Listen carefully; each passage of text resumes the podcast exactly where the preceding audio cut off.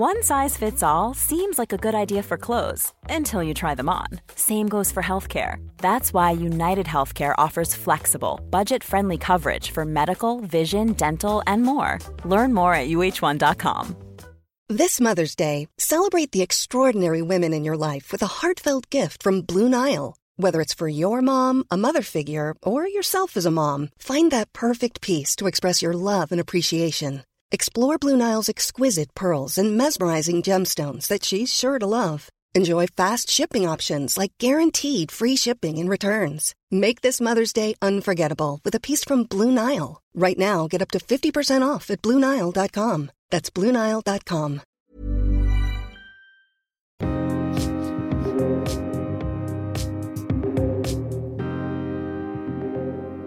Förra året så gästade Maria Borunkel oss och då samtalade vi om hennes spännande arbete med internationellt biståndsarbete. Maria har ju bott hela 17 år i Washington. Efter det så bestämde hon sig för att flytta tillbaka till Göteborg till ett helt annat liv som författare. Varmt välkommen Maria! Tack så jättemycket! Och nu är det ju så spännande för nu är det ju snart val och du ska ju åka tillbaka till Washington om två dagar. Berätta! Ja, jag är väldigt skärrad över det här valet som väl många andra är, både i USA och även här i Sverige och Europa. Eh, så jag kände att jag eh, ville åka tillbaka eh, några veckor nu i november.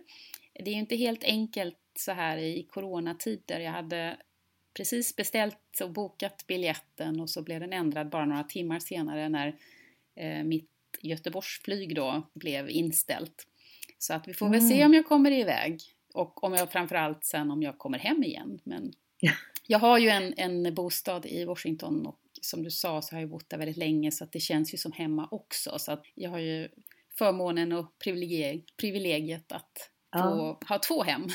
Det är lite lyxigt. Och för när vi hade vårt samtal förra året så berättade ju du bland annat att du skulle åka tillbaka till Washington och det gjorde ju du. Ja just det, i mitten av februari åkte jag och hade tänkt att stanna en, en månad ungefär. Men det blev ju betydligt längre på grund av Corona då. Ja, och eh, hur kändes det? Ja, första månaden var ju allting helt normalt men sen kom ju allting väldigt plötsligt. Eh, vad jag har förstått eh, sedan jag kom hem till Sverige och även i våras så var ju, hade man ju ett helt annat Eh, angreppssätt, eller vad man ska säga, mot corona, i alla fall i Washington. Det var ju, allt var ju helt nedstängt och det var ganska dramatiskt hur man blev informerad när de bestämde sig för att stänga hela stan. Det var såna här eh, varningssignaler på mobilen eh, och eh, sen fick man röstinspelningar på telefonen med jämna mellanrum att man skulle vara försiktig och man skulle hålla avstånd och man skulle hålla sig hemma och, och även textmeddelanden. Precis allting stängde utom matbutikerna och apoteken och eh, man fick inte vara ute. Ja, det, det kändes lite som en, en spökstad nästan. Eh, och i början visste man ju inte hur länge det skulle hålla på. Det var väl tur att man inte visste det. Mm. Hur kändes det att vara Alltså för du fick ju stanna inne. Visserligen kunde ju du skriva på din andra bok då men, men du blev ju verkligen isolerad. Jag träffade ju i stort sett inte någon människa på, på sex må eller ja, fem månader då. Eh, för att Nej. alla höll ju sig hemma, alla arbetade hemifrån ja. eh, och avstånden är ju rätt eh, stora så att eh, jag visste ju inte då att jag skulle bli sittande där så länge och träffa så eh, få, få personer. Det var väl kanske en, en god vän en gång varannan vecka eller sådär, någon timma på lördagen. Men annars så, så, så var jag mest mm. ensam hela tiden. Jag är ju en vanliga fall en rätt social person och, och gör ganska mycket saker. Så att, eh, jag är förvånad att, att det gick så bra ändå att, mm. eh, att, att vara isolerad så länge. Mm. Alltså det låter ju lite ofattbart och jag kan tänka mig att eh, det måste ju varit en väldigt eh, annorlunda när du väl kom tillbaka till Sverige för du kom väl inte tillbaka förrän, var det juli eller augusti eller när kom I, du? I augusti kom jag tillbaka och eh, det fördelen kan man väl säga med att när man har ett sånt eh, enkelt liv då. Jag, jag försökte ju verkligen leva väldigt inrutat mm. i Washington. Så jag gick upp tidigt och sen gick jag en lång promenad på, vid lunchtid med en en före detta kollega som via telefon då, alltså vi träffades inte fysiskt men vi pratade i telefon och, och, och vandrade på varsitt ställe så att säga. Man uppmärksammar ju helt andra saker när man har så lite input i sitt liv. Liksom. Mm. Att uh, Djuren kom ju tillbaka nästan in på knuten. Jag hade en hare i trädgården ja. hela, hela tiden nästan. Och ja. Jag tror aldrig någonsin jag sett så många djur i Washington. Det Nej. var rådjur och det var sköldpaddor och det var hjortar wow. och det var som, som kom väldigt nära inpå. Ja. Um, för, de, för bi, bi, det var ingen biltrafik nästan Nej. längre och inga men sen var det ju som sagt då väldigt annorlunda när jag, när jag kom hit. Mm. Här, här kändes det ju lite som, som vanligt. Det har inte hänt så mycket. och särskilt flygresan kändes ju väldigt annorlunda då för att när jag eh, äntligen fick efter tredje försöket tag på en biljett tillbaka så var ju flygplatsen i Washington, den var helt tom. Mm. Alla affärer var stängda och jag var ju nästan den enda mm. där kändes det som. Och mm. sen planet till London var nästan tomt. Och i London var det, ju, var det ju en hel del folk men det var väldigt eh, organiserat och man fick inte gå ut alla på en gång och sådär ur flygplanet och man fick ställa sig i kö med avstånd och sådär. Så det blev ju lite chockartat då när jag satte mig på Göteborgsplanet och det var helt fullsatt. Och det kan ju inte ah. ha varit många plan som landade på Landvetter den dagen men vi fick inte ens köra in till terminalen utan vi lastades allihop i en buss som, Jaha, som körde in och då stod det tätt? Och, ja, ja, där var det ju, ja där stod man ju precis som man gör i rusningstrafik i Stockholm kan jag tänka mig. Så det, det var wow. väldigt, väldigt konstig känsla. Vad märkligt. Ja. Om några dagar så är du tillbaka till Washington igen och är verkligen händelsernas centrum. Just nu är det ju väldigt, eh, väldigt eh, spännande att se vad som händer med valet. Ja. I vårt förra samtal som vi hade, då pratade vi bland annat om din bok som du eh, har skrivit som handlar om din släkting får man väl säga, eller rätt sagt Ingeborg-boken heter Det kom för mig i all hast historien om barnamörderskan Ingeborg Andersson. Och det är ju ett tragiskt familjeöde på 30-talet och Ingeborg var ju syster till din mormor, eller hur? Mm. Just det. Eh, kan du bara snabbt eh, berätta lite om den boken? Vi samtalade ju om den boken också i förra samtalet men för de som kanske inte hörde det så kan du väl bara kort berätta om det? Eh, jo, det här är ju en historia då som har varit Eh, en hemlighet i min familj under väldigt lång tid. Jag fick reda på den eh, här tragedin av en slum sommaren 1999. Alltså 70 år efter eh, Ingeborg, då min mormors syster, dränkte sina tre små barn i en tvättbalja i köket. Mm. Det utspelades i en liten by i Västergötland, åtta mil öster om Göteborg. Jag kände ju Ingeborg väldigt väl som barn för hon bodde hos min mormor då. Så jag träffade henne rätt så ofta och hon gick inte bort förrän jag var 13 år. Men jag hade ingen aning om att hon hade varit gift eller haft barn så det kom naturligtvis som en chock när jag fick reda på den här förskräckliga historien då om hur hon har, hade dränkt sina mm. tre barn. Ja, det är en väldigt, väldigt stark historia. Jag kan tänka mig speciellt när du har träffat, som jag tänker mig nu, en liten gullig tant och sen har hon en sån förfärligt mörk historia bakom sig. Det tog ju mig många år att komma över det här och sen förstås så fick jag reda på det precis när jag själv hade blivit mamma för andra gången. Så att eh, jag var inte alls mottaglig, jag kunde inte, inte förstå det här alls. Så att jag gjorde ju lite som de andra i släkten att jag, att jag förträngde alltihop. Och det var först flera år senare som, som jag började gräva i arkiven för att försöka förstå då mm. vad som hade hänt. Ja, för att hon fick ju dels ett straff men hon fick ju också hjälp på ett väldigt bra sätt så att hon, hon kom ju ut sen ifrån sjukhus och fängelse. Men naturligtvis så, så kom hon ju inte tillbaka till sin man utan hon fick väl leva, hon levde själv eller tillsammans med din mormor? Hon eh, levde efter fängelsetiden och eh, tiden på mentalsjukhuset så bodde hon hos eh, min mormors föräldrar först. Men när de gick bort så flyttade hon hem till min mormor. Men det som, det som förvånar mig, hon blev faktiskt strafffri förklarad. Och det som förvånar mig så mycket eh, efter att ha läst väldigt mycket då om hur kriminalvården och mentalvården eh, fungerade på 1930-talet så blev jag förvånad att det var så mm. humant ändå.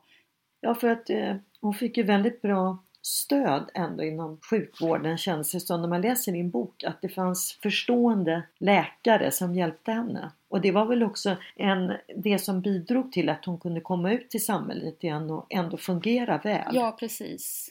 Du skriver ju som sagt på din andra bok och det är ju del två. Och det är om hennes man. Först var det inte någon mening jag skulle skriva en bok överhuvudtaget, inte den om Ingeborg heller. Men, men jag blev så gripen av hennes eh, levnadsöde så att jag kände att jag var tvungen att få, mer, få ner hennes historia på papper. Och sen var det ju ingen, inte meningen att det skulle bli en bok nummer två. För jag hade redan börjat skriva på en annan historia. Men eh, det var så många läsare som hörde av sig och frågade men vad hände med pappan? För att min bok om Ingeborg handlar ju bara om henne och ur hennes perspektiv. Och det, det är ju svårt att förstå hur pappan gick vidare efter det här för att Ingeborg fick ju ändå den bästa vården som fanns vid den tiden medan pappan han blev ju mer eller mindre lämnad åt sitt öde och, och fortsatte leva på den här gården där allt hände ända tills han gick bort. Det är många, även jag, som som har svårt för att förstå hur han orkade leva vidare med. Så därför så bestämde jag mig för att jag skulle försöka skriva eh, även om honom då.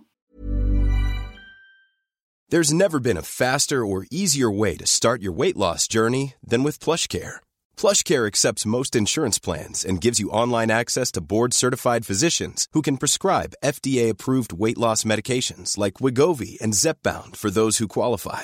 Take charge of your health and speak with a board certified physician about a weight loss plan that's right for you. Get started today at plushcare.com slash weight loss. That's plushcare.com slash weight loss. Plushcare.com slash weight loss. Quality sleep is essential. That's why the Sleep Number Smart Bed is designed for your ever evolving sleep needs. Need a bed that's firmer or softer on either side? Helps you sleep at a comfortable temperature? Sleep Number smart beds let you individualize your comfort so you sleep better together. JD Power ranks Sleep Number number 1 in customer satisfaction with mattresses purchased in-store. And now, save 50% on the Sleep Number limited edition smart bed for a limited time. For JD Power 2023 award information, visit jdpower.com/awards. Only at a Sleep Number store or sleepnumber.com. Burrow is a furniture company known for timeless design and thoughtful construction and free shipping, and that extends to their outdoor collection. Their outdoor furniture is built to withstand the elements, featuring rust-proof stainless steel hardware, weather-ready teak, and quick-dry foam cushions. For Memorial Day, get 15% off your Burrow purchase at burrow.com slash ACAST and up to 25% off outdoor. That's up to 25% off outdoor furniture at burrow.com slash ACAST.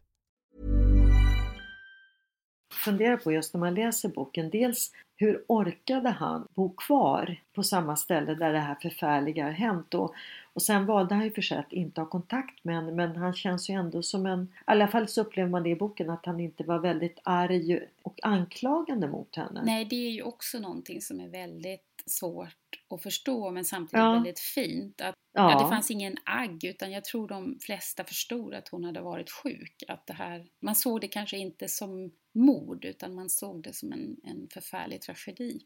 Du har påbörjat den här boken. När tror du att vi kan få läsa mer om Arthur som han heter och hans det, liv? Det var ju fördelen då med, med Corona och att sitta fast i Washington för det enda, jag hade ju inget annat att göra så att jag har jag har börjat skriva där då och sen kommer det ju bli många omskrivningar förstås och sådär men, men förhoppningsvis någon gång mm. kanske i slutet av nästa år hoppas jag att den kan komma ut. Mm. Spännande!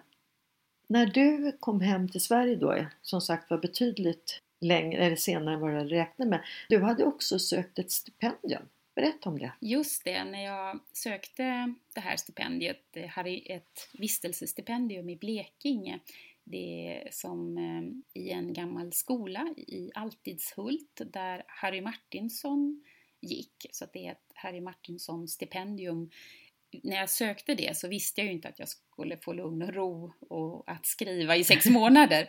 Men, men för annars är det i vardagen så rinner ju tiden oftast bara iväg på saker runt omkring. Utan det är svårt att fokusera ibland och då är det fantastiskt när man har möjlighet att åka iväg på de här vistelsestipendierna som finns. Så då sökte jag det här eh, stipendiet och fick det. Och eh, åkte iväg två veckor i september till den här lilla byn då, mm. Altishult. Som, som ligger var? Den ligger i nordvästra Blekinge. Eh, om man har läst Harry Martinsons Nässlorna blomma så mm. det finns både skolan och hans hem med i den eh, romanen. Mm. Jag är mm. ju storstadsbo då, så jag hade väl eh, född och uppvuxen i, i centrala Göteborg och alltid bott i, i, lite större städer. Så att eh, jag hade väl inte riktigt förstått hur mörkt det blir på landet i Sverige i september. Det var lite läskigt de första Nej, kvällarna får jag nog säga. Ja men det kan jag tänka mig. Och sen i ett gammalt hus där det knakar och ja, låter ja, en hel del precis. också säkert. Och skogen utanför som låter ja, också. Ja och sen mm. eh, toalett och dusch och sådär var i en, en eh, ekonomi, en byggnad intill. Ja. Så att man fick gå ut då eh, på kvällen också. Okay. Eh, det, det, var, det var ju jättemodernt och fint och sådär men just de där eh, hundra metrarna som man behövde gå i kändes lite läskigt i början. Men man vänjer sig som sagt vid allt. Men där var du alldeles själv, alltså var ingen annan? Ja, jag hade en, en kompis kom på besök en helg, men annars var jag där alldeles själv. Men det var ju fantastiskt vackert där jag var. Det var som en blandning av det vackraste från Småland och det vackraste från Skåne, liksom väldigt dramatiskt landskap. Och så väldigt tyst.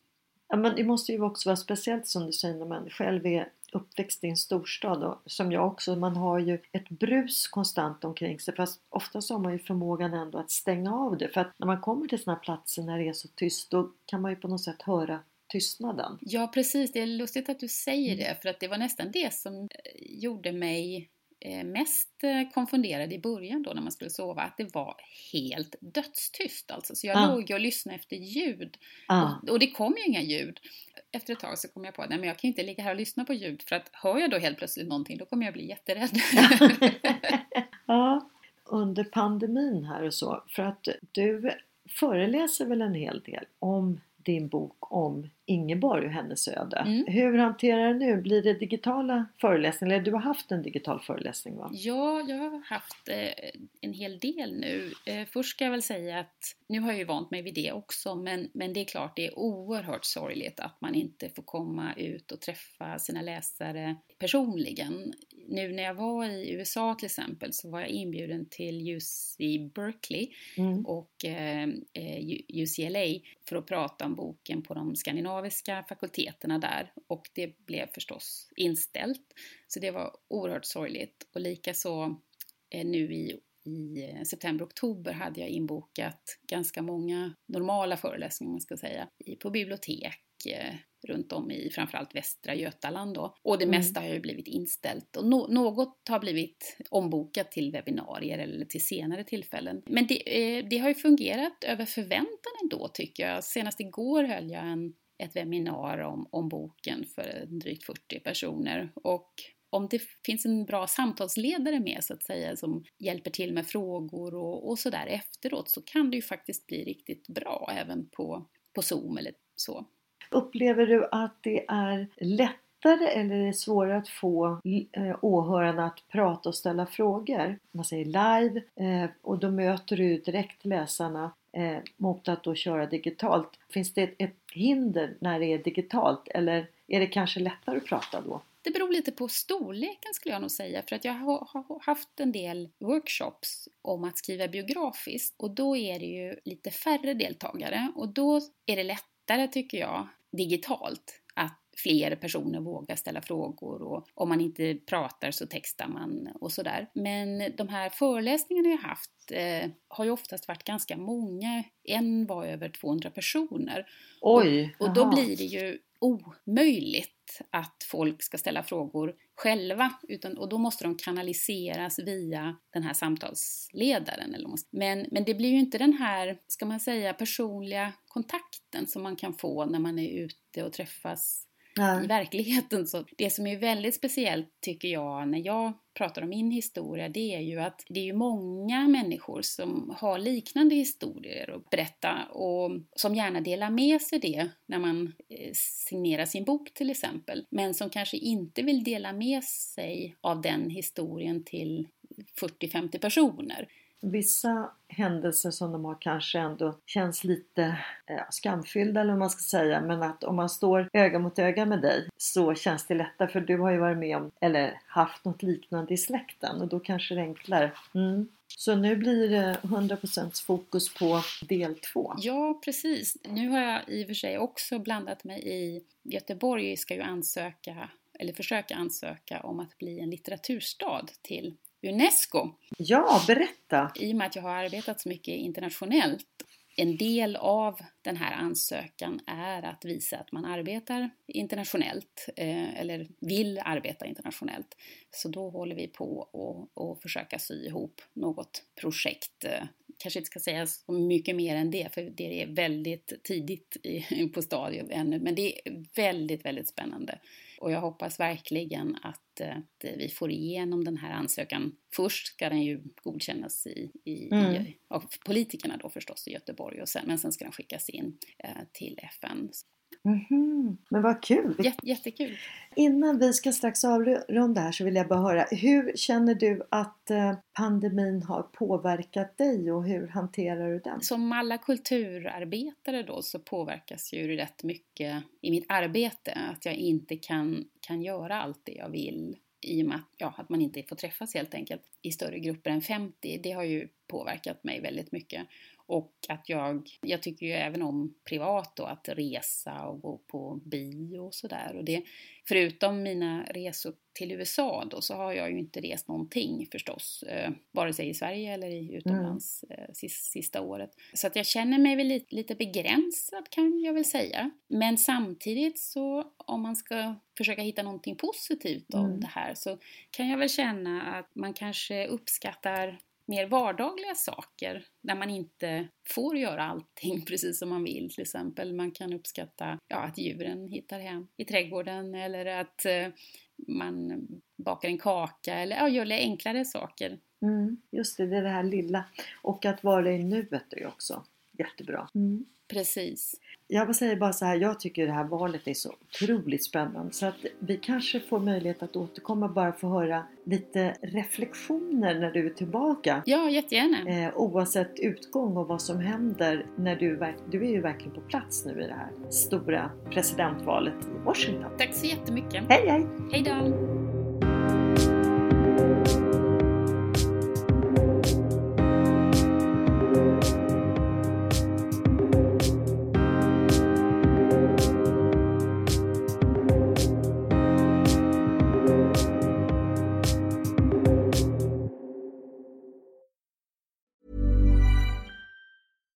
Catch yourself eating the same flavorless dinner three days in a row? Dreaming of something better? Well, HelloFresh is your guilt-free dream come true, baby. It's me, Gigi Palmer. Let's wake up those taste buds with hot, juicy pecan-crusted chicken or garlic butter shrimp scampi. Mm. Hello Fresh. Stop dreaming of all the delicious possibilities and dig in at HelloFresh.com. Let's get this dinner party started. Mom deserves the best, and there's no better place to shop for Mother's Day than Whole Foods Market. They're your destination for unbeatable savings, from premium gifts to show-stopping flowers and irresistible desserts. Start by saving 33% with Prime on all body care and candles. Then get a 15-stem bunch of tulips for just $9.99 each with Prime. Round out Mom's menu with festive rosé, irresistible berry chantilly cake, and more special treats. Come celebrate Mother's Day at Whole Foods Market.